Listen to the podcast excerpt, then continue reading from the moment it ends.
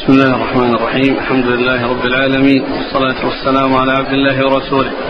نبينا محمد وعلى آله وصحبه أجمعين. أما بعد. قال الإمام الحافظ أبو عيسى الترمذي رحمه الله تعالى قال في جامعه في كتاب المناقب باب مناقب عبد الله بن عمر رضي الله عنهما. قال حدثنا أحمد بن منيع. قال حدثنا إسماعيل بن إبراهيم عن أيوب عن نافع عن ابن عمر رضي الله عنهما أنه قال رأيت في المنام كأنما في يدي قطعة استبرق ولا أشير بها إلى موضع من الجنة إلا طارت بي إليه فقصصتها على حفصة رضي الله عنها فقصتها حفصة على النبي صلى الله عليه وسلم فقال إن أخاك رجل صالح أو إن عبد الله رجل صالح. قال هذا حديث حسن صحيح. بسم الله الرحمن الرحيم. الحمد لله رب العالمين.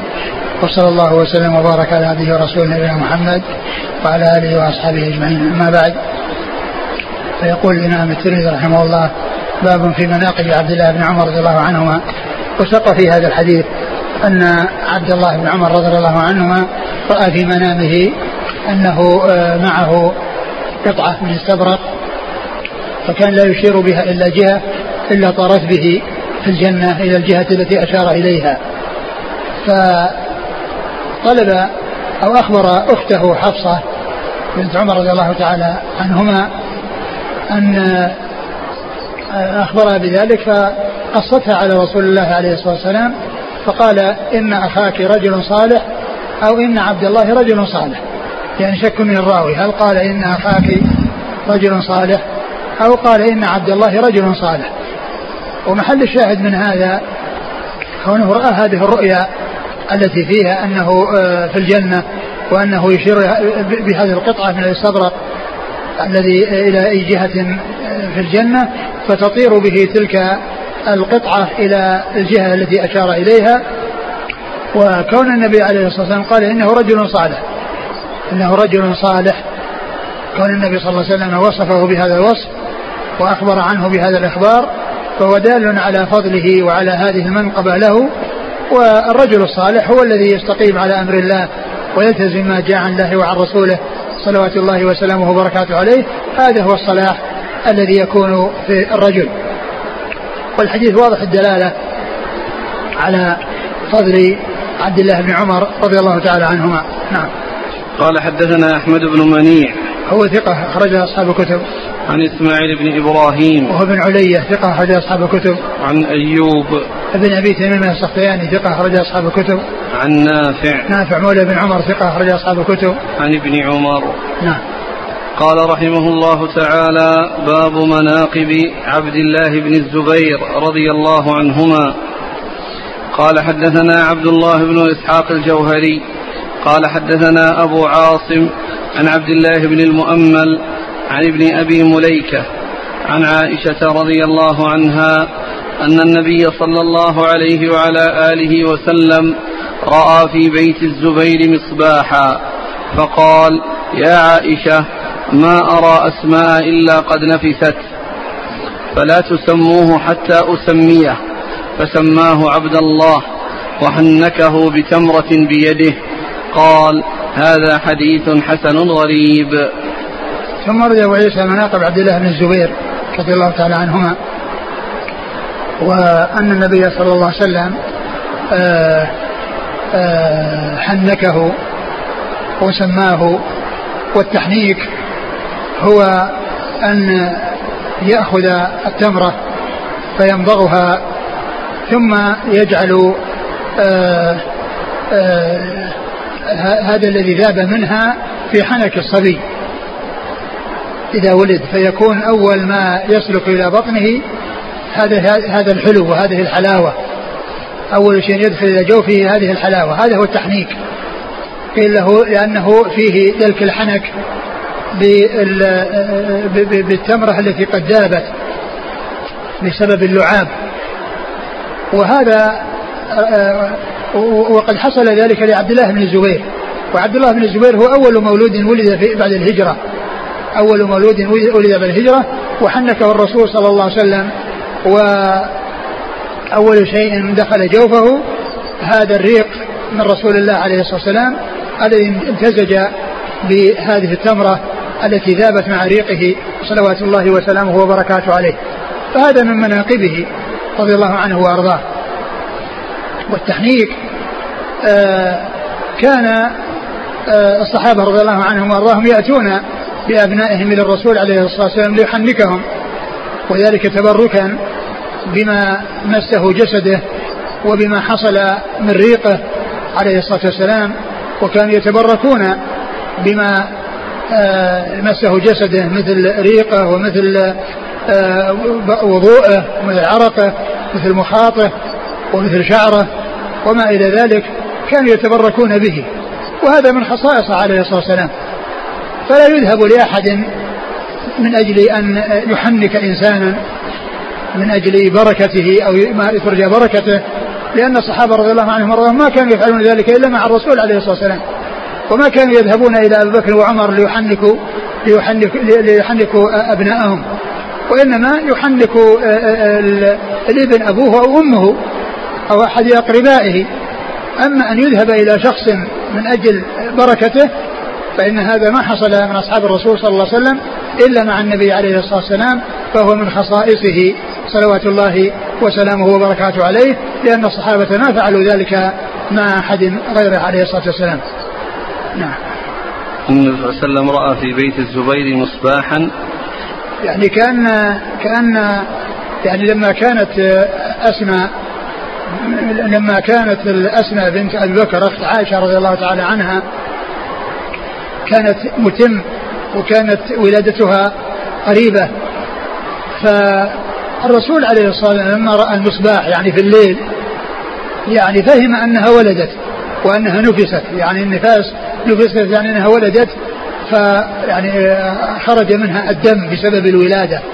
يقال نفست ويقال نفست يعني إذا ولدت وذلك بخروج الدم منها بسبب الولادة. فلما رأى المصباح يعني في الليل وهذا خلاف المعتاد لأن المعتاد أن المصابيح تطفى وأنهم يطفئونها يعني في الليل لكن لما رأى هذا المصباح فهم أنها قد ولدت. فقال صلى الله عليه وسلم ما قال وأتي به وحنكه عليه الصلاة والسلام وحصل هذه المنقبة وهذه الفضيلة. ويكون أول شيء دخل جوفه لعاب الرسول صلى الله عليه وسلم وريق الرسول عليه الصلاة والسلام ممتزجا بهذه الحلاوة التي خرجت من التمرة. نعم. قال حدثنا عبد الله بن إسحاق الجوهري. هو ثقة أخرج له أصحاب السنن. أخرج له أصحاب السنن. عن أبي عاصم. أبو عاصم هو الضحاك بن مخلد النبيل. ثقة أخرج أصحاب الكتب. عن عبد الله بن المؤمل. وهو ضعيف أخرج له. وخالد المفرد والترمذي وابن ماجه. نعم. عن عن ابن أبي مليكة. وهو ثقة أخرج أصحاب الكتب. عن عائشة. عائشة أم المؤمنين رضي الله عنها وأرضاها الصديقة بن الصديق. وهي من أكثر الرواية عن رسول الله صلى الله عليه وسلم. والحديث في إسناده هذا الرجل ضعيف لكن حديث ثابت في صحيح البخاري وغيره بقصة ولادة عبد الله بن الزبير وتحنيكه إياه. عليه الصلاة والسلام. نعم. قال رحمه الله تعالى باب مناقب أنس بن مالك رضي الله عنه.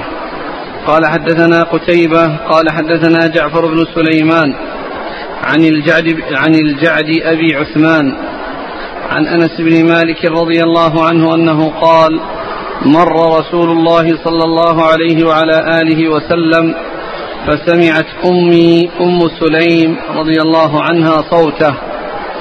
فقالت بأبي أنت وأمي يا رسول الله.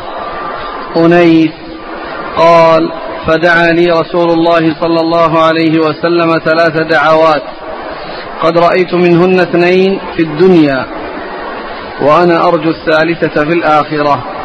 قال هذا حديث حسن صحيح غريب من هذا الوجه وقد روي هذا الحديث من غير وجه عن أنس عن النبي صلى الله عليه وسلم. ثم ذكر مناقب أنس بن مالك رضي الله عنه خادم الرسول عليه الصلاة والسلام وأحد السبعة المكثرين من حديثه عليه الصلاة والسلام. وذلك أن أم سليم وهي أم أنس رضي الله تعالى عنها سمعت صوت رسول الله صلى الله عليه وسلم فقالت له أنيس تصير أنس فطلبت منه أن يدعو له فدعا له ثلاث دعوات فقال إنني قد رأيت اثنتين في الدنيا وأنا أنتظر الآخرة في الثالثة. وهذه الثلاث الدعوات آه، التي في الدنيا أن أن يطول عمره وأن يكثر ماله. وأن أن أن يكثر ولده أن يكثر ولده ويكثر ماله. وهذا هو الذي رآه في الدنيا كثرة المال وكثرة الولد. وأما الآخرة الذي في الآخرة فيدعى بالمغفرة وأن يغفر الله له ذنبه. فقال إني رأيت اثنتين رأيت اثنتين وأنا أنتظر الثالثة في الآخرة. والاثنتان كثرة المال وكثرة الولد. والذي في الآخرة هي المغفرة من الله عز وجل. وهذا من من من دلائل النبوة عليه الصلاة والسلام. وهو دعائه يعني في للإنسان فيحصل ذلك الذي دعا به له. فإنه دعا له بأن يكثر ماله وولده. وأن يطول عمره وقد حصل له ذلك رضي الله تعالى عنه وأرضاه. نعم. قال حدثنا قتيبة قتيبة بن سعيد ثقة أخرج أصحاب الكتب. عن جعفر بن سليمان وهو صدوق أخرج له. البخاري المفرد ومسلم وأصحاب السنن. نعم. عن الجعد أبي عثمان وهو ثقة أخرج له أصحاب الكتب إلا ابن ماجه. نعم. عن أنس بن مالك. أنس بن مالك رضي الله عنه. وهذا رباعي من الأسانيد العالية عند الترمذي. وهي التي يكون بينه وبين رسول الله صلى الله عليه وسلم فيها أربعة أربعة أشخاص. نعم. قال حدثنا محمود بن غيلان قال حدثنا أبو أسامة عن شريك عن عاصم عن أنس رضي الله عنه أنه قال ربما قال لي النبي صلى الله عليه وسلم يا ذا الأذنين قال أبو أسامة يعني يمازحه. قال هذا حديث حسن غريب صحيح ثم ذكر ليس هذا الحديث. عن أنس أن النبي صلى الله عليه وسلم قال ربما قال له يا ذا الأذنين. يريد بذلك ممازحته. يريد بذلك رسول الله عليه الصلاة والسلام ممازحة أنس بن مالك رضي الله عنه. هذا من من من من حسن أخلاقه عليه الصلاة والسلام وعطفه على الصغار ورفقه بهم وإناسه لهم بالكلمات المؤنسة التي يدخل السرور فيها عليهم وهذا من كمال من شمائله عليه الصلاة والسلام وحسن أخلاقه عليه الصلاة والسلام حيث كان يمازح الصغار. و وقال يد الأذنين ومعلوم أن كل أحد له أذن كل إنسان له أذنان ولكنه قال ذلك يعني في شيء لا يختص به لا يختص به وإنما قال ذلك على سبيل المزاح معه. والرسول صلى الله عليه وسلم كان يمزح ولكن لا يقول إلا حقا. كان يمزح ولكن لا يقول إلا حقا صلوات الله وسلامه وبركاته عليه. ومعلوم أن كل واحد له أذنان نعم.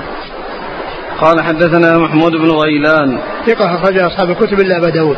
عن أبي أسامة. حماد بن أسامة ثقة أخرج أصحاب الكتب. عن شريك. وشريك بن عبد الله النخعي الكوفي وهو صدوق آه، يخطئ كثيرا واختلط. و وحديثه أخرجه البخاري تعليقا ومسلم وأصحاب السنن. وفي إسناده هذا الرجل ولكنه توبع. ولكنه توبع. نعم. عن عاصم. عن عاصم آه، آه، بن سليمان الأحول وهو ثقة أخرج أصحاب الكتب. عن أنس. نعم. قال حدثنا محمد بن بشار قال حدثنا محمد بن جعفر قال حدثنا شعبة قال سمعت قتادة يحدث عن أنس بن مالك رضي الله عنه عن أم سليم رضي الله عنها أنها قالت يا رسول الله أنس خادمك ادعو الله له. قال اللهم أكثر ماله وولده وبارك له فيما أعطيته. قال أبو عيسى هذا حديث حسن صحيح. ثم ذكر هذا الحديث وهو قريب من الحديث الأول. وبمعنى الحديث الأول أن فيه الدعاء له بكثرة المال والولد وأن يبارك الله له عز وجل فيما أعطاه من المال والولد. يعني تحصل ال ال ال يعني الإكثار والبركة. لأن إذا حصلت الكثرة والبركة يعني حصل الخير. وقد تحصل الكثرة ولكن ما يحصل معها بركة. لكن الرسول عليه الصلاة والسلام جمع له بين الأمرين بأن يحصل له كثرة المال وكثرة الولد وأن يبارك الله له فيما أعطاه. يعني من المال والولد. وأن يبارك الله له فيما أعطاه من المال والولد. وقد تحقق ذلك لأنس بن مالك رضي الله عنه وحصل أن دعا له بهذه الدعوة واستجاب الله دعاءه فكثر ماله وكثر ولده رضي الله تعالى عنه وأرضاه. نعم. قال حدثنا محمد بن بشار هو الملقب بن دار ثقة أخرج أصحاب الكتب. عن محمد بن جعفر وهو الملقب بن دار ثقة أخرج أصحاب الكتب. عن شعبة شعبة بن الحجاج الواسطي ثم البصري ثقة أخرج أصحاب الكتب. عن قتادة قتادة بن دعامة السدوسي البصري ثقة أخرج أصحاب الكتب. عن أنس نعم. عن أم سليم وأم سليم رضي الله عنها أخرج لها أصحاب الكتب إلا ابن ماجه نعم قال حدثنا زيد بن أخزم الطائي قال حدثنا أبو داود عن شعبة عن جابر عن أبي نصر عن أنس رضي الله عنه أنه قال كناني رسول الله صلى الله عليه وسلم ببقلة كنت اجتنيت كنت أجتنيها. قال هذا حديث لا نعرفه إلا من حديث جابر الجعفي عن أبي نصر وأبو نصر هو خيثمة البصري. روى عن أنس أحاديث. ثم ذكر هذا الحديث أن الرسول صلى الله عليه وسلم كناه أبا حمزة يعني كان أنس أبا حمزة والمقصود قال من أجل بقلة كنت أجتنيها. بقلة يعني نبات من النبات من البقول. قال كنت أجتنيها يعني كان يجتنيها وقيل إنها فيها حموضة وأن الإنسان إذا حطها في يمنه يتأثر وظهر عليه يعني قعشريرة أو يعني شيء من التأثر بسبب يعني ما يحصل من من طعمها. ف فكناه بهذا الشيء الذي كان يفعله وهو كونه يجتني هذا النوع من النبات الذي هو يقال له بقلة. يعني آه، نوع من النبات نوع من البقول. قال بقلة أجتنيها يقال لها حمزة. وفي القاموس قال إن أنها اسم للأسد وبقلة. يعني اسم للأسد واسم لبقلة. يعني من البقول. كما جاء في هذا الحديث هذا الحديث عن أنس أنه قال من أجل بقلة كنت أجتنيها. أجتنيها يعني يجنيها. يعني ويأخذها من الأرض. يعني الجنى هو الذي النبات الذي يجتنى يعني ويؤخذ. نعم. قال حدثنا زيد بن أخزم الطائي. هو ثقة أخرج له. البخاري وأصحاب السنن. نعم. عن أبي داود. وهو سليمان بن داود الطيالسي ثقة أخرجه البخاري تعليقا ومسلم وأصحاب السنن. عن شعبة عن جابر. جابر الجعفي جابر بن يزيد الجعفي وهو ضعيف أخرج له. أبو داود والترمذي وابن ماجه. نعم. عن أبي نصر. وهو لين الحديث. أخرجه الترمذي والنسائي. نعم. الحديث يعني فيه هذان الرجلان وهما ضعيفان. نعم. قال حدثنا إبراهيم بن يعقوب قال حدثنا زيد بن حباب قال حدثنا ميمون أبو عبد الله قال حدثنا ثابت قال قال لي أنس بن مالك رضي الله عنه يا ثابت خذ عني فإنك لم تأخذ عن أحد أوثق مني. إني أخذته عن رسول الله صلى الله عليه وسلم عن جبريل وأخذه جبريل عن الله تعالى. قال هذا حديث حسن غريب لا نعرفه إلا من حديث زيد بن حباب. ثم أورد هذا الحديث عن أنس أنه قال لخيثمة. لثابت. لثابت نعم. قال لثابت بن أنس ثابت بن أسلم البناني وهو من أصحابه والرواة عنه. يا ثابت خذ عني. فلن تأخذ عن أوثق مني. عن أحد أوثق عن أحد أوثق مني. يعني يقصد بذلك أنه آآ آآ أنه ما بقي من أصحاب الرسول صلى الله عليه وسلم إلا, إلا هو. يعني في ذلك الوقت الذي قاله لثابت. ومعنى ذلك أن أن هذا فيه ما كان عليه أصحاب الرسول صلى الله عليه وسلم من الحث على أن يؤخذ عنهم العلم. وأن يتلقى عنهم ما تلقوه عن رسول الله صلى الله عليه وسلم. وهذا يدل على نبلهم وعلى فضلهم وعلى كمال حرصهم على تبليغ ما تلقوه عن رسول الله صلوات الله وسلامه وبركاته عليه. وهم يحرصون على الأخذ عن رسول الله عليه الصلاة والسلام ويحرصون على تأدية ما أخذوه إلى من بعدهم. ومن المعلوم أن الصحابة رضي الله عنهم هم الواسطة بين الناس وبين الرسول صلى الله عليه وسلم. لم يصل إلى الناس كتاب ولا سنة إلا عن طريق الصحابة رضي الله عنهم وأرضاهم فهم الواسطة بين الناس وبين رسول الله عليه الصلاة والسلام. ما عرف الناس كتابا ولا سنة إلا عن طريق الصحابة رضي الله عنهم وأرضاهم. وقول أنس هذا آه، إنما قاله من أجل آه، آه، الترغيب والحث وحفز الهمم على تلقي ما عنده من العلم وذلك أنه لم يبقى من أصحاب الرسول صلى الله عليه وسلم في ذلك البلد غيره يعني في البصرة. فهذا من كمال نبل الصحابة وحرصهم على إبلاغ ما تلقوه عن رسول الله عليه الصلاة والسلام. وقال إنه أخذه عن رسول الله ورسول الله أخذه عن جبريل والجبريل أخذه عن رب العالمين.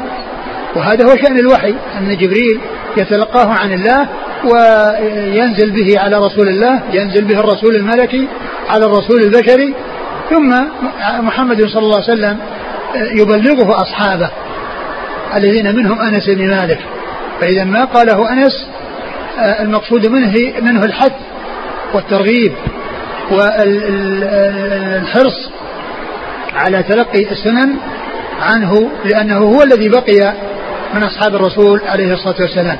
هذا هو مقصوده من قوله لن تأخذه عن أحد أوثق مني لأن ما في أحد آه، في في وقته أو في الوقت الذي قال به هذا الكلام من كان سمع من رسول الله عليه الصلاة والسلام من أهل ذلك البلد. نعم. قال حدثنا إبراهيم بن يعقوب. هو الجوزجاني وهو؟ أخرج أبو داود والترمذي الثقة أخرج أبو داود والترمذي والنسائي. نعم. عن زيد بن حباب. صدوق أخرج له؟ البخاري القراءة ومسلم وأصحاب السنن. نعم. عن ميمون أبي عبد الله. وهو؟ مستور أخرج له أبو داود. مستور بمعنى مجهول الحال. بمعنى مجهول الحال. نعم. أخرج له أبو داود في التفرد والترمذي وابن ماجه. نعم. عن ثابت عن أنس. نعم. ثابت بن أسلم البناني ثقة أخرج أصحاب الكتب. نعم. قال حدثنا أبو كريب قال حدثنا زيد بن حباب عن ميمون أبي عبد الله عن ثابت عن أنس رضي الله عنه نحو حديث إبراهيم بن يعقوب ولم يذكر فيه وأخذه النبي صلى الله عليه وسلم من جبريل.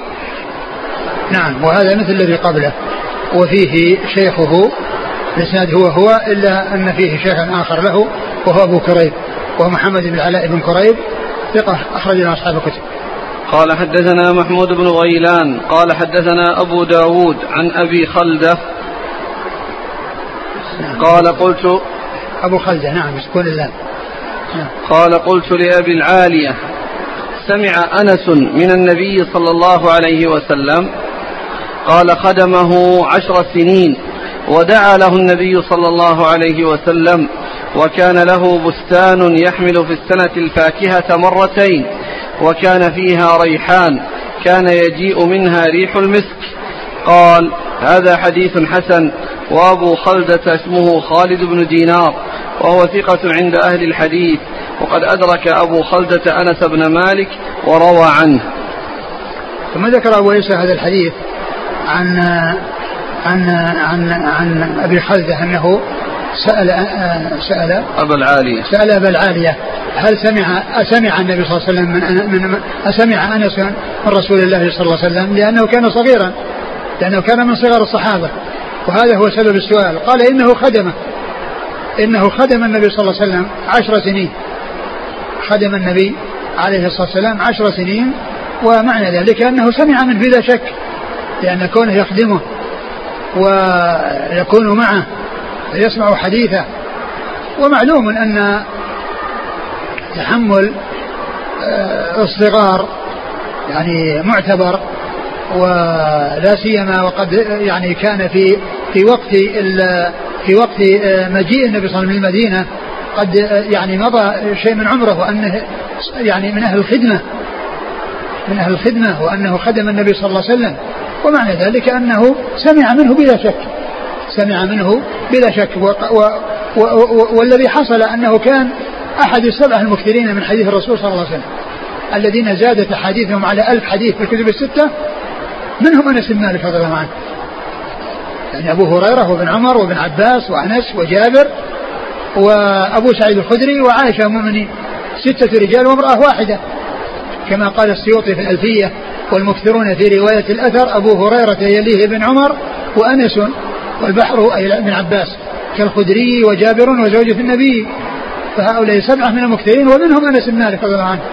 فقد سمع وأكثر أيضا من الرواية عن رسول الله عليه الصلاة والسلام. قال خدم خدمه عشر سنين ودعا له النبي صلى الله عليه وسلم وكان له بستان. خدمه عشر سنين. يعني معناه لازمه هذه الملازمة. ومعنى ذلك أنه يتلقى عنه الحديث ويحضر ما يحدث به النبي صلى الله عليه وسلم لغيره من الناس الذين يأتون إليه ويسألونه ويستفتونه فيجيبهم النبي عليه الصلاة والسلام وأنس عنده يخدمه فيسمع ما يحدث به النبي صلى الله عليه وسلم من الحديث فيتحمله ويؤديه. ودعا له النبي صلى الله عليه وسلم ودعا له نعم. ودعا له النبي صلى الله عليه وسلم. نعم ودعا له النبي صلى الله عليه وسلم وقد عرفنا أنه دعا له بالمال كثرة المال وكثرة الولد والبركة فيهما وكذلك أيضا آه، آه، آه، دعا له بالمغفرة. نعم. وكان له بستان يحمل في السنة الفاكهة مرتين. وهذا من من من نتائج ومن ثمرات دعائه صلى الله عليه وسلم بأن يكثر ماله وولده ويبارك له فيه. فهذا من من من البركة في المال. فهذا من البركة في ماله لأن له بستان يحمل في السنة مرتين. نعم. وكان فيه وكان فيها ريحان كان يجيء منها ريح المسك. وكان فيها ريحان له رائحة طيبة من النبات ويعني يأتي منه يعني مثل ريح المسك. نعم. قال حدثنا محمود بن غيلان عن أبي داود عن أبي خلدة. أبو خلدة هو؟ صدوق. البخاري وأبو داود والترمذي والنسائي. نعم. عن أبي العالية وهو ثقة أصحاب الكتب عن نعم. أنس. نعم. قال رحمه الله تعالى باب مناقب أبي هريرة رضي الله عنه. قال حدثنا محمد بن عمر بن علي المقدمي. قال حدثنا ابن أبي عدي عن شعبة عن سماك عن أبي الربيع عن أبي هريرة رضي الله عنه أنه قال أتيت النبي صلى الله عليه وسلم فبسطت ثوبي فبسطت ثوبي عنده ثم أخذه فجمعه على قلبي فما نسيت بعده حديثا. قال أبو عيسى هذا حديث حسن غريب من هذا الوجه. يعني بعده؟ قال حدثنا أبو موسى محمد بن المثنى قال حدثنا عثمان بن عمر قال حدثنا ابن أبي ذئب عن سعيد المقبري عن أبي هريرة رضي الله عنه أنه قال قلت يا رسول الله أسمع منك أشياء فلا أحفظها. قال ابسط رداءك. فبسطت فحدث حديثا كثيرا فما نسيت شيئا حدثني به.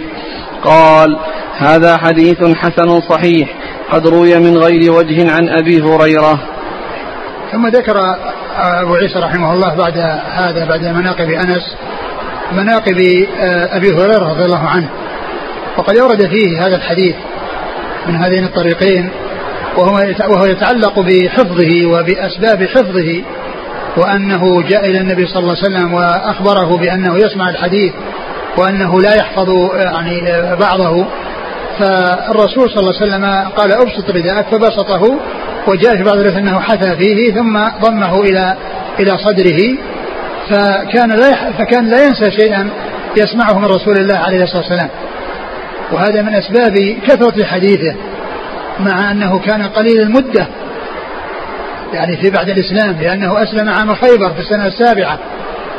ومع ذلك فإنه تحمل الشيء الكثير عن رسول الله عليه الصلاة والسلام وعن أصحابه لأن الصحابة يروي بعضهم عن بعض ويضيف الواحد منه إلى الرسول صلى الله عليه وسلم دون أن يذكر الذي حدثه به من الصحابة.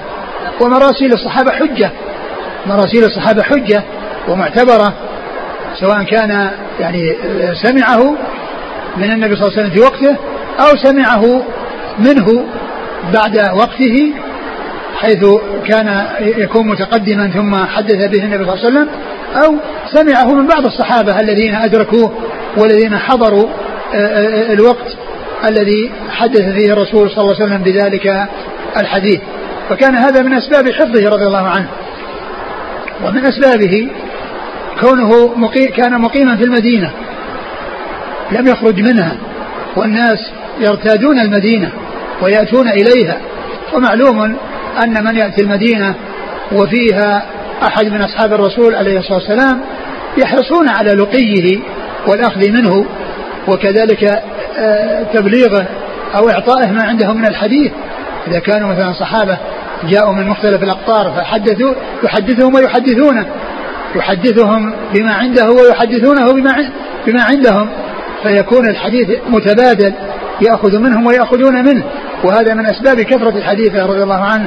ولهذا كان الذي روي عنه أو الذي آه، آه، دون له في كتب السنة أكثر مما دون لغيره فهو أكثر الصحابة حديثا على الإطلاق وهذا من أسباب آه، كثرة حديثه مع قلة مدته. ثم أيضا مما يعني يدل أو مما فيه حصول كثرة الحديث أنه ملازم للنبي صلى الله عليه وسلم لأنه فقير يعني بعض الصحابة لهم بيوت ولهم مزارع وكانوا يرتادون ويأتون إليه يعني آه، طرفي النهار. وأما هو ملازم للنبي صلى الله عليه وسلم. يأكل معه ويمشي معه ويذهب معه ثم يسمع ما يحدث به من الحديث. فصارت كثرة حديثه لا ترجع إلى أسباب. منها هذا الذي جاء في الحديثين الذين معنا وأن الرسول أنه بسط رداءه وأنه حثى به ودعا له فضم ضمه إليه وكونه مقيما في المدينة والناس يأتون إلى المدينة ويأخذون ويعطون يأخذون ما عنده ويعطونه ما عندهم يعني من الصحابة. وكونه ملازما للنبي صلى الله عليه وسلم لأنه فقير يأكل معه ويشرب معه ويذهب إليه معه إذا ذهب فكان ذلك من أسباب كثرة الحديث رضي الله عنه وأرضاه. نعم. قال حدثنا محمد بن عمر بن علي المقدمي هو؟ صدوق إلى أصحاب السنن عن ابن أبي عدي وهو ثقة. أخرج أصحاب الكتب. عن شعبة عن سماك.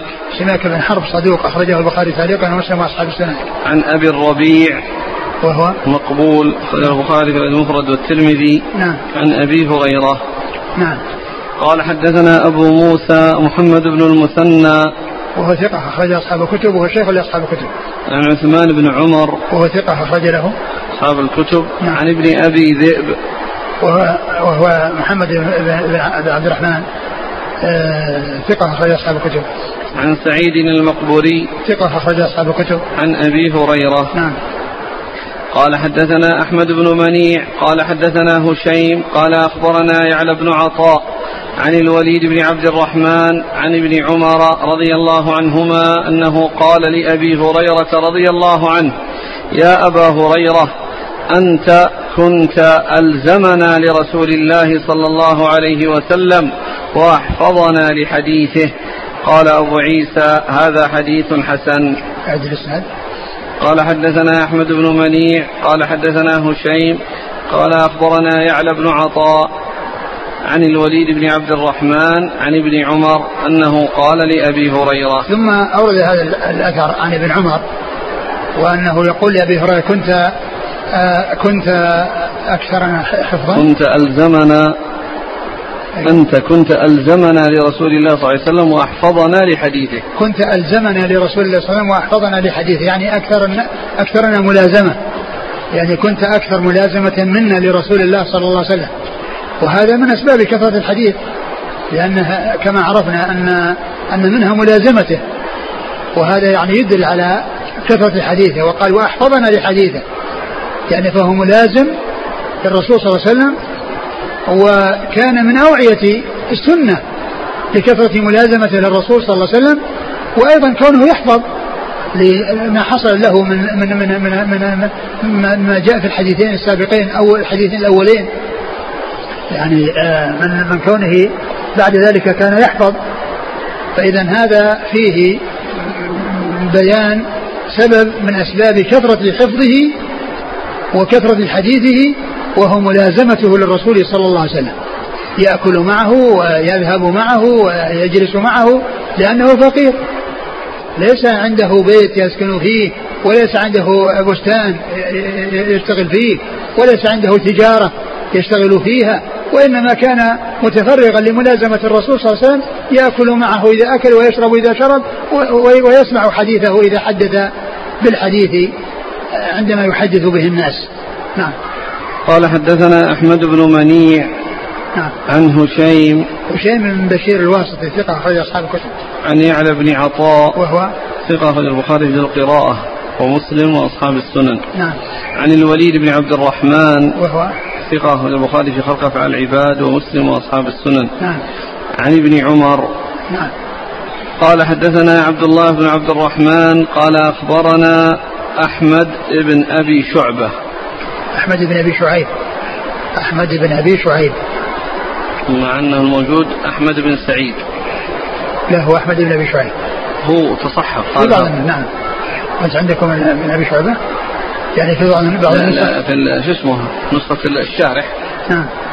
قال أحمد بن سعيد الحراني أيوة. وذكر في الحاشية أن الحافظ بن حجر قال أحمد بن سعيد الحراني صوابه أحمد بن أبي شعيب الحراني نعم. وقع في بعض النسخ الترمذي نعم. أحمد بن شعيب نعم. أحمد بن أبي شعيب الحراني قال حدثني محمد بن سلمة الحراني عن محمد بن إسحاق عن محمد بن إبراهيم عن مالك بن أبي عامر قال جاء رجل إلى طلحة بن عبيد الله رضي الله عنه فقال يا أبا محمد أرأيت هذا اليماني؟ يعني أبا هريرة هو أعلم بحديث رسول الله صلى الله عليه وآله وسلم منكم نسمع منه ما لا نسمع منكم. أو يقول على رسول الله صلى الله عليه أو يقول على رسول الله صلى الله عليه وسلم ما لم يقل. قال أما أن يكون سمع من رسول الله صلى الله عليه وسلم ما لم نسمع فلا أشك إلا أنه سمع من رسول الله صلى الله عليه وسلم ما لم نسمع وذاك أنه كان مسكينا لا شيء له ضيفا لرسول الله صلى الله عليه وسلم يده مع يد رسول الله صلى الله عليه وآله وسلم. وكنا نحن أهل بيوتات وغنى وكنا نأتي رسول الله صلى الله عليه وسلم طرفي النهار. فلا نشك إلا أنه سمع من رسول الله صلى الله عليه وسلم ما لم نسمع. ولا تجد أحدا فيه خير يقول على رسول الله صلى الله عليه وسلم ما لم يقل. قال أبو عيسى هذا حديث حسن غريب لا نعرفه إلا من حديث محمد بن إسحاق وقد رواه يونس بن بكير وغيره عن محمد بن إسحاق. ثم ذكر أبو عيسى هذا الحديث أن أن رجلا جاء إلى أن من هو الذي طلحة جاءه مالك جاء نعم. رجل إلى طلحة بن عبيد نعم. الله جاء رجل إلى طلحة بن, عبيد الله رضي الله تعالى عنه هو أحد العشر المبشرين بالجنة وتكلم في أبي هريرة قال هذا اليماني يحدث بأشياء لا تحدثون بها أسمع ما لم تسمعون أو قال على رسول الله ما لم يقل و فقال يعني آه، فقال طلحة رضي الله عنه إن آه، أبا هريرة نعم يسمع ما لا يسمعون وبين السبب في ذلك وهو أنه كان قال إنه مسكين وأنه كان ملازم للرسول صلى الله عليه وسلم وأما نحن فنحن أهل بيوتات أهل أهل بيوتات وأهل وغنى. وغنى. يعني معناه أنهم لا لا لا يلازمونه وإنما يأتونه بطرفي النهار في أول النهار وآخره. بل منهم من لا يأتيه إلا يوم بعد يوم مثل ما جاء في آه، قصة عمر رضي الله عنه مع جاره الأنصاري قال كنا نتناوب وكان هذا له بستان وهذا له بستان وكل واحد ينزل في يوم ثم يحدث بالذي سمعه من رسول الله صلى الله عليه وسلم. فكانوا يشتغلون في تجارتهم ويشتغلون في أموالهم ولا يلازمون النبي صلى الله عليه وسلم مثل ما لزمه أبو هريرة. وقد تقدم أن ابن عمر قال أنت كنت ألزمنا لرسول الله وأحفظنا لحديثه. يعني آه، كثرة الحفظ أو كثرة الحديث بسبب الملازمة وهنا أيضا يقول طلحة مثل ما قال عبد الله بن عمر بسبب ملازمته للنبي صلى الله عليه وسلم وأنهم هم أصحاب بيوتات يعني يسكنون فيها ويبقون مع أهليهم و و أصحاب غنى يعني إما مزارع وإما تجارة ولا يأتون النبي صلى الله عليه وسلم في جميع الأوقات وإنما يأتونه في طرفي النهار أول النهار وآخره. وأما أبو هريرة فمعه طول النهار لا يفارقه يأكل معه ويشرب معه ويسمع ما يحدث به رسول الله صلوات الله وسلامه وبركاته عليه. وأما كونه يعني يقول عن الرسول فلا يكون هناك أحد في خير يقول على رسول الله صلى الله عليه وسلم ما لم يقل. ومعنى ذلك أن أبا هريرة رضي الله عنه إنما آه هذا الذي حصل له من كثرة الحديث بسبب ملازمته. وأما كونه يقول على الرسول صلى الله عليه وسلم ما لم يقل فإن هذا ينزه عنه ويبرأ منه رضي الله تعالى عنه وأرضاه. نعم. قال حدثنا عبد الله بن عبد الرحمن. هو الدارمي وهو ثقة أخرج له مسلم. وأبو داود والترمذي. نعم. عن أحمد بن أبي شعيب. وهو؟ ثقة أخرج البخاري وأبو داود والترمذي والنسائي. ومحمد بن سلمة الحراني ثقة أخرج له. البخاري القراءة ومسلم وأصحاب السنن. نعم. عن محمد بن إسحاق. وهو المدني وهو صدوق أخرجه البخاري تعليقا ومسلم وأصحاب السنن. عن محمد بن إبراهيم. وهو التيمي ثقة أخرج أصحاب الكتب. عن مالك بن أبي عامر. وهو ثقة. أخرج أصحاب الكتب. نعم. عن طلحة بن عبيد طلحة بن الله عبيد الله رضي الله عنه أحد العشرة المبشرين بالجنة. وحديثه أخرجه أصحاب الكتب الستة. والحديث فيه محمد بن إسحاق وقد وهو مدلس وقد عنعن ولم يأتي عنه التصريح بالسماع فإذا الحديث ضعيف من هذه الناحية. ولكن آه، ما فيه من أنه كان ملازم هذا ثابت لا إشكال فيه. ومنه الحديث الذي حديث آه، أثر بن عمر يتقدم حيث قال كنت ألزمنا لرسول الله صلى الله عليه وسلم وأحفظنا لحديثه. فإن يعني معناه من ناحية الملازمة هو نفس الذي جاء في الحديث السابق ولكن الأثر أو الحديث هذا فيه محمد بن إسحاق وهو مدلس وروى بالعنعنة ولم يأتي عنه التصريح بالسماع. نعم. قال وقد رواه يونس بن بكير. يونس بن بكير هو؟ صدوق يخطئ. نعم. وله البخاري تعليقا ومسلم وأبو داود والترمذي وابن ماجه. نعم. وغيره عن محمد بن إسحاق. نعم. قال حدثنا بشر بن خالد والله تعالى أعلم وصلى الله وسلم وبارك على نبينا رسول نبينا محمد وعلى آله وأصحابه أجمعين. جزاكم الله خيرا وبارك الله فيكم. ألهمكم الله الصواب ووفقكم للحق. ونفعنا الله بما سمعنا وغفر الله لنا ولكم وللمسلمين أجمعين. آمين.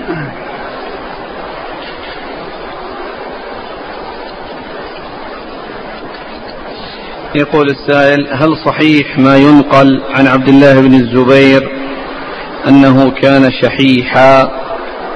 وإذا كان هذا صحيح فهل هذا من الطعن فيه؟ لا أدري عن صحة هذا ولا أعرف يعني هذا الشيء وما ينبغي أن يذكر أي شيء فيه يعني آه آه شيء آه يعني لا يليق ولا ينبغي في حق الصحابة رضي الله عنهم وأرضاهم وإنما يثنى عليهم وتبين يعني ما عندهم وإذا كان عندهم مثل هذا الشيء فلا ينبغي أن يذكر. إلا إذا كان هناك أمر يقتضيه مثل ما جاء في قصة أبي سفيان يعني عندما جاءت تستفتي يعني امرأته وقالت إنه شحيح لا يعطيني ولدي ما يكفيني يعني إذا كان الأمر يعني يعني يتعلق بفتوى أو استفتاء أو شيء يترتب عليه فهذا لا بأس به. أو يعني ال ال ال الكلام يعني فيه يعني بسبب استفتاء كما في قصة يعني هند امرأة أبي سفيان. أما غير ذلك فيطوى ولا يذكر. يقول كيف الجمع بين قول عائشة رضي الله عنها والبيوت يومئذ ليس لها مصابيح؟ وحديث أسماء هذا في أنه فيه مصباح. يعني كما هو معلوم لا يمنع أن يكون يعني هناك استعمال المصابيح يعني في بعض الأوقات يعني دون وقت. يقول إذا كان التحنيك من التبرك فما وجه تحنيك المولود ولو من أقربائه هو ليس للتبرك وإنما لكون أول شيء يدخله الحلو. أول شيء يدخل جوفه الحلو. هذا هو الذي يعني مقصود ليس التبرك وإنما المقصود هو دخول الحلاوة في الجوف. أول شيء يدخل الجوف هو الحلو. و و آه آه ولهذا يعني وهذا هو المقصود ولهذا كان الصائم أول ما يفطر يفطر على تمر أول ما يدخل على جوفه بعد الانحباس هذه المدة أفضل ما يكون الحلاوة التي هي في التمر الرطب والتمر. فليس المقصود بذلك التبرك بريق أبيه أو أمه وإنما المقصود من ذلك حصول الحلاوة. وعلى هذا فإن الذي حصل لابن الزبير شيئان يعني كون الحلاوة التي تحصل له ولغيره من المحنكين آه، آه، أول شيء يدخل جوفه شيء حلو كما أن الصائم إذا صام وأمسك من طلوع الفجر إلى غروب الشمس المستحب أن يكون أول ما يدخل جوفه التمر الذي هو حلو. وأيضا عنده آه، بركة ريق الرسول صلى الله عليه وسلم. فإذا هو ابن ابن ابن الزبير حصل له شيئان الحلاوة والبركة من ريقه صلى الله عليه وسلم. وأما غيره من من يحنك فإنه يحصل له الحلاوة فقط. هل التحنيك يكون مباشرة بعد الولادة؟ أي نعم. يكون مباشرة بعد الولادة. يعني أول شيء يعني يكون فيه هذه الحلاوة. نعم. وهل يشترط التحنيك أن يكون بالتمر فقط؟ والله هذا هو يعني هذا هو الأصل أن يكون بالتمر. وإذا كان أنه يعني ما فيه تمر يمكن أن يكون لأن المقصود هو دخول الحلاوة يعني في جوفه من أول شيء. ومعلوم أن المدينة هي كثيرة التمر وطعامهم التمر وقوتهم التمر. فقد قال صلى الله عليه وسلم في الحديث الذي مسلم في صحيحه بيت لا تمر فيه جياع أهله. نعم. هل صحيح أن أبا بكر رضي الله عنه أحفظ من أبي هريرة إلا أن أبا هريرة أكثر تحديثا من أبي بكر. كلهم يعني من أهل الحفظ والإتقان رضي الله عنهم وأرضاهم. ولكن الواقع والذي قد حصل هو أن آه، أن أبا هريرة يعني كان عنده الكثرة. وأما آه، أبو بكر رضي الله عنه ما عاش إلا سنتين وأشهر وكان مشغولا بالخلافة. يعني ما ما في مدة يعني طويلة يحصل له مثل ما حصل لأبي هريرة أخذ وأعطى أو كثرة عاش بعد النبي صلى الله عليه وسلم سنتين وأشهر. يعني فحدث بالقليل وكان مشغولا بالخلافة رضي الله عنه وأرضاه. وكلهم من الحفظ والإتقان رضي الله عنهم وأرضاهم.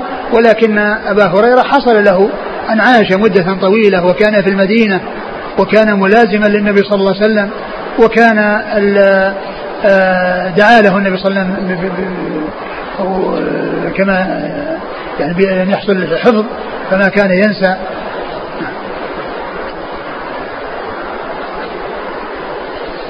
يقول في الحديث أن الشيطان قد جاء يحث من الصدقة التي كانت عند أبي هريرة وكان موكلا عليها. فهذا دليل على أن كان له شغل يشتغل فيه. ما يعني ما يدل على أن الشغل يشتغل فيه. كون كون فيه زكاة رمضان وزكاة الفطر يعني آه، تجمع. وهو ملازم للرسول صلى الله عليه وسلم وجعله عليها يعني يوم ويومين أو ثلاثة. يعني آه، ما يدل على أنه يعني صاحب شغل. الذي جاء أنه كان فقير وأنه ملازم للرسول. والرسول صلى الله عليه وسلم كلفه بأن يحفظ هذه هذه الصدقة. يقول قرأت بحثا عن أبي هريرة رضي الله عنه مفاده أن أبا هريرة قدم عام سبع المدينة وليس أنه أسلم في ذلك العام بل إسلامه متقدم على ذلك الوقت. فما رأيكم في هذا؟ ما قضية أن يكون أسلم قبل ما في ما في إشكال. يعني يسلم ولكن كونه يأتي للنبي صلى الله عليه وسلم ما حصل إلا سنة سبع وما تلقى عن النبي صلى الله عليه وسلم إلا بعد بعد سنة سبع. وأما كون الإنسان يسلم ويكون مسلما ولم يلقى النبي المخضرمون كما عرفنا في الدرس الماضي كانوا مسلمين في زمنه صلى الله عليه وسلم وما وما لقوه وقد عاشوا مدة طويلة في حياته صلى الله عليه وسلم وهم مسلمون فكونه يسلم من قبل ما يعني ما ما في إشكال. يقول آه، ترتيب الصحابة في المناقب هل له معنى عند الترمذي؟ ما أدري لأن أولا بدأ بأهل البيت يعني بعد ما ذكر الخلفاء الراشدين الأربعة بدأ بأهل البيت ولما فرغ منهم يعني جاء إلى يعني أفراد يعني منهم وقضية أن يكونها يعني آه، لاحظ أو أن هناك يعني شيء مشى عليه لا أدري يقول فضيلة الشيخ الأحاديث التي وردت عن صلاة التسابيح هل هي صحيحة؟ هذه فيها اختلف العلماء منهم من صححها ومنهم من ضعفها والأقرب أنها غير صحيحة فلا يعمل بها. أربع ركعات قبل الظهر هل تصلى بتشهد واحد؟ الأصل هو أنها تؤتى بتشهد بتشهدين لقوله صلى الله عليه وسلم صلاة الليل والنهار مثنى مثنى. نعم. يقول أنا عامل في محل وطلبت فلوس من صاحب العمل فرفض أن يعطيني فحلفت بالطلاق إن لم يعطيني لن أشتغل عنده. فغبت عن العمل ثلاث أيام ثم جاء المحاسب وأعطاني المبلغ ويقول بدون أن يدري صاحب العمل ويريد مني أن أعود. هل هذه تبرئة اليمين؟ يسأل غيري عن هذا. نعم. هل يجوز تعلم علم الفلسفة والمنطق؟ الإنسان يتعلم العلم الذي ينفع وأما الإنسان الذي آه، متمكن من علم الشريعة ثم يتعلم علم الفلسفة ليبين ما فيه من الفساد ويبين المحاذير التي فيه حتى يحذرها الناس مثل ما حصل لشيخ الإسلام ابن تيمية لا بأس به. وأما كل إنسان يكون آه، ضعيف العلم في الشريعة ثم يذهب إليه فهذا قد يدخل ولا يخرج. ولهذا قال شيخ الإسلام ابن تيمية في آه، شرح في التدمري في الحموية قال يعني يهلك الناس أربعة. نصف يعني آه، نصف متكلم ونصف طبيب ونصف فقيه ونصف نحوي.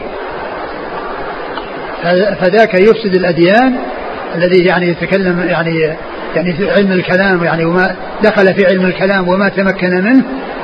فيعني حصل له الضرر وما حصلت له الفائدة.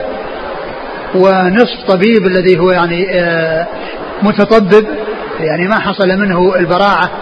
يعني كونه بارعا ف يعني آه، يضر الناس بطبه فيكون يعرف يفتح ولا يعرف يخيط. وكذلك نصف الفقيه يعني يعني آه، يفتيهم بغير علم غير متمكن ونصف النحو يفسد اللسان. فالذي يدخل في علم الكلام ويدخل في الفلسفة أو يدخل في المنطق وهو غير متمكن من علم الشريعة يعني هذا يتضرر. نعم. يقول هل نار هل نار المحشر تخرج وتبدأ من قعر عدن؟ هل هذا صحيح؟ نعم. تخرج من عدن. تخرج من عدن وتذهب معهم تقيل معهم حيث قالوا وتبيت معهم حيث باتوا. نعم. وهل ما ورد أنه صحيح يخرج من عدن أبين اثنا عشر ألف؟ لا أدري.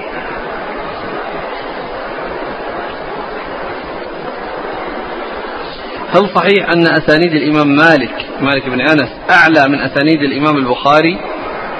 بلا شك. البخاري الإمام مالك بن أنس توفي 179 والبخاري ولد يعني سنة فوق ال 190 يعني ذاك متقدم والبخاري متأخر. البخاري توفي 256 ومالك بن أنس 179 وولد البخاري بعد وفاة الإمام مالك بسنين. فكيف لا يكون أعلى منه؟ ولهذا آه، بعض العلماء عد سادس الكتب الستة الموطأ لأنه أعلى إسنادا. يعني الكتب الستة يعني البخاري ومسلم والترمذي والنسائي وأبو داود هذه خمسة. والسادس فيه ثلاث أقوال. قيل السادس الموطأ لعلو أسانيده وقيل السادس آه، آه، الدارمي كذلك لعلوه ولكثرة ما فيه من الآثار. وأيضا وقيل السابع السادس ابن ماجه. ولكثرة زياداته على الكتب الستة على الكتب الخمسة لكثرة زياداته. والذي اشتهر هو كون السادس ابن ماجه لكثرة ما فيه من الزيادات عن الكتب الخمسة الأخرى. فكون مالك هو نفس البخاري هو يعني يكون بينه وبينه واسطتين. أو واسطة واحدة مثل قتيبة بن سعيد يروي عن عن مالك. أو محمد بن كثير يروي عن مالك يكون بينه واسطة أو واسطتين. فبينه مسافة. فعلو الإسناد هذا لا إشكال فيه. يقول فضيلة الشيخ حفظك الله لماذا لم تجوز الاستغاثة بصفات الله؟ مع أن الاستعاذة والقسم يجوز بصفات الله. ما الفرق بينهما رغم أن الصفات واحدة؟ دعاء الصفات لا يجوز. والله تعالى يدعى بأسمائه وينادى بأسمائه لا بصفاته.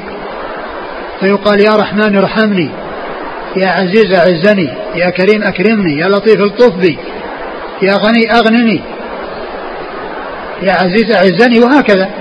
لكن يا لا يقال يا قدرة الله أعطيني كذا يا رجل الله أعطيني كذا يا يد الله أعطيني كذا. أما كونه يحلف بصفات الله أو يتوسل بصفات الله لا بأس. بأن يتوسل إلى الله عز وجل بصفاته أو يحلف بصفاته. يقول وعزة الله وجلال الله وكبرياء الله وحياة الله وعلم الله وسمع الله وبصر الله لا بأس. فإذا الفرق بين بين كون يتوسل إليه بصفاته ويتوسل إليه بأسمائه ويتوسل ويحلف بأسمائه وصفاته هذا سائر وقد جاءت الأدلة دالة على ذلك. وأما الصفات ما جاء أنها تطلب تنادى ويطلب منها شيء. ما يقال يا رجل الله أعطيني كذا يا يد الله حققي لي كذا يا سمع الله أعطني كذا. وإنما قال يا الله. يقول هل يصح أن نقول عيسى عليه الصلاة والسلام في وقت حياته في آخر الزمان سيكون في منزلة الصحابة يقول كما قال الإمام الذهبي رحمه الله في ترجمة عيسى أنه الصحابي الذي رأى النبي صلى الله عليه وسلم ليلة الإسراء وسلم عليه وهو آخر الصحابة موتى.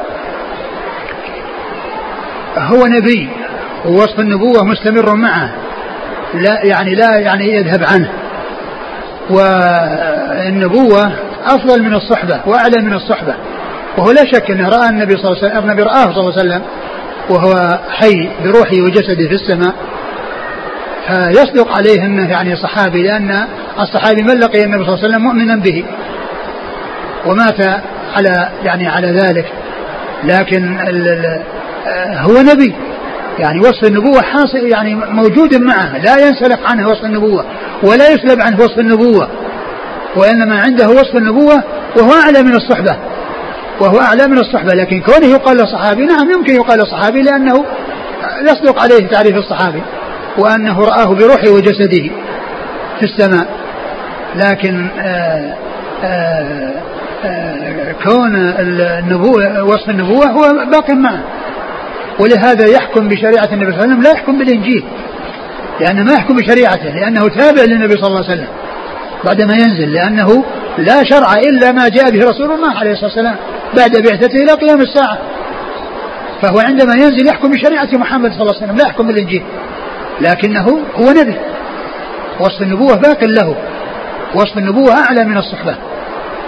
نعم.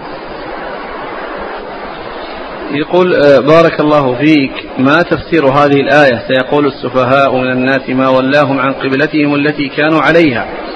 وهل الآية عامة في كل من شابه فعله فعل الموصوفين في هذه الآية فيكون سفيها. هذه الآية خاصة يعني كما هو معلوم بالناس الذين اعترضوا على على كون النبي صلى الله عليه وسلم يعني تحول إلى القبلة وأنه يعني ترك القبلة التي آه، كان عليها أولا. ولا شك أن كل من يعترض على أحكام الشريعة يكون سفيها. كل من يعترض على أحكام الشريعة سفيها. لكن الآية هي خاصة بهذا الموضع. وأما قضية يعني الكون الذين اعترضوا على آه، هذا الحكم سفهاء من يعترض على أحكام أخرى من شرع الله هو سفيه. يقول قرأت في بعض كتب العقيدة أن معاوية بن أبي سفيان رضي الله عنهما خال المؤمنين. فهل هذا يثبت لكل أخ لزوجة زوجات النبي صلى الله عليه وسلم؟ نعم يقال يعني مثل هذا الكلام في غيره والذي ذكر هذا ابن قدامة في لمعة الاعتقاد. لمعة الاعتقاد ذكر هذا قال ومعاوية بن سفيان حال المؤمنين وكاتب وحي رب العالمين. فذكر هذا ابن قدامة في لمعة الاعتقاد. ولأن أختهم المؤمنين فإذا هو يكون يعني خالهم بهذا الاعتبار. إذا روى الراوي بالعنعنة عن شخص لقيه ولم يسمع منه شيئا مثل الأعمش عن أنس. هل يعد هذا تدليس أم إرسال خفي؟ إذا كان إذا كان لقيه ولم يعرف أنه إذا كان روى عنه ولم يعرف أنه لقيه هو المرسل الخفي.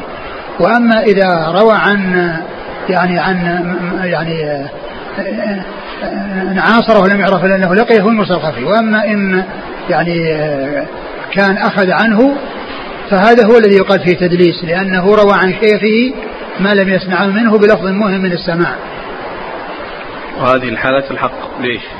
نعم. هذا لقيه ولم يسمع منه.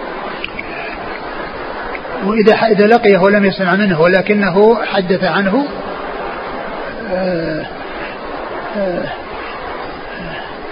يعني هذا كما هو معلوم الآن شرط مسلم رحمه الله في صحيحه أنها يعني يكتفي بالمعاصرة.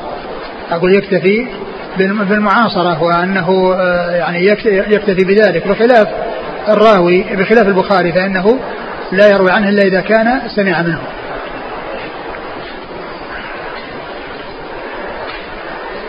يسأل عن أسماء أو أسماء للبنات. آه، إيمان آلاء. آية. ما رأيكم في التسمية بها؟ والله الإنسان الذي يريد أن يسمي يشوف الأسماء اللي ما تحتاج إلى سؤال. ما يحتاج يقول هل أسمي فاطمة أو أسمي عائشة أو أسمي خديجة هذه لا يسأل عنها. فإذا اترك الشيء اللي تحتاج إلى أن تسأل عنه وخذ بشيء لا تحتاج إلى أنك تسأل عنه. دع ما يريبك إلى ما لا. الشيء الذي الذي آه آه يعني آه في نفسك من شيء اتركه. واذهب إلى شيء تكون مرتاحا مطمئنا إلى أنك ما في نفسك شيء. يقول آه، ما رأي فضيلتكم في صح في صحفي في أحد الصحف العربية وصف أبا هريرة رضي الله عنه بأنه أرجوز أرجوز. إيش؟ يقول أرجوز؟ إيه؟ إيش معنى أرجوز؟ أرجوز؟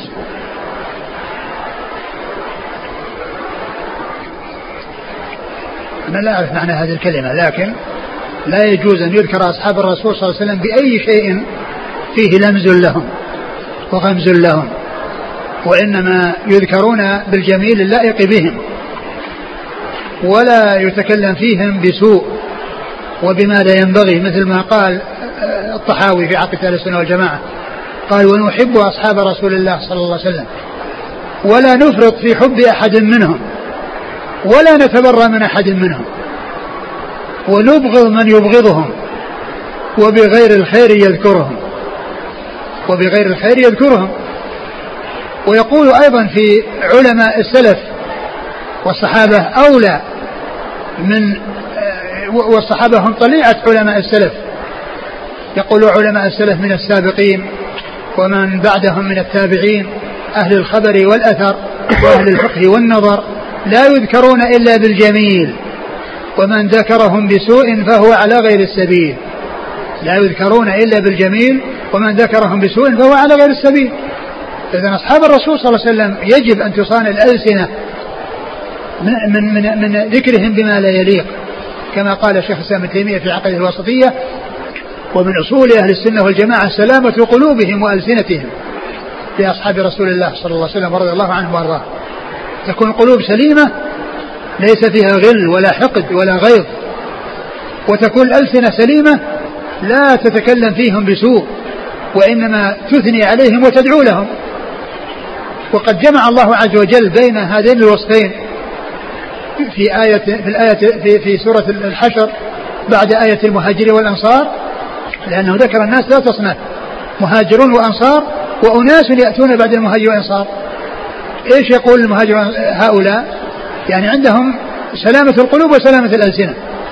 يقول ربنا اغفر لنا ولإخواننا سبقنا بالإيمان وهذا في سلامة الألسنة لأنهم يدعون لهم لا يدعون عليهم ولا يتكلمون فيهم بسوء. وقلوبهم سليمة في حقهم ويسألون الله عز وجل أن يبقيها سليمة. ولهذا قال ولا تجعل في قلوبنا غلا للذين آمنوا. ربنا إنك رؤوف رحيم. فهذان الوصفان سلامة القلوب وسلامة الألسنة هما اللذان اشتملت عليهما هذه الآية في قوله ربنا اغفر لنا ولإخواننا الذين سبقونا بالإيمان. هذا سلامة الألسنة. ولا تجعل في قلوبنا غلا يعني القلوب سليمة ومع ذلك يسألون الله عز وجل أن يبقيها سليمة وأن تستمر سليمة.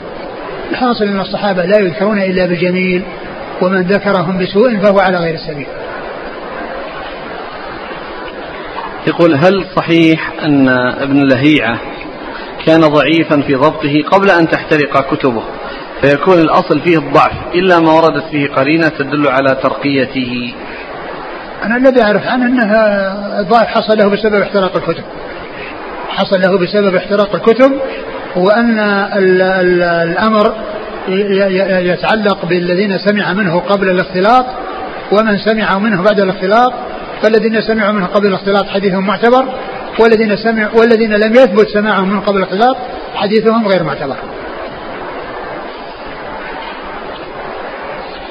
يقول فضيلة الشيخ كلمة الإمام مالك لن يصلح آخر هذه الأمة إلا ما أصلح أولها عندنا بعض الإخوان متأثرين بجماعة التبليغ فعندما نذكر هذه لهم هذه الأدلة هذه الأقوال يقولون إن طريقة الجماعة في خروج أربعين يوما ليست ببدعة.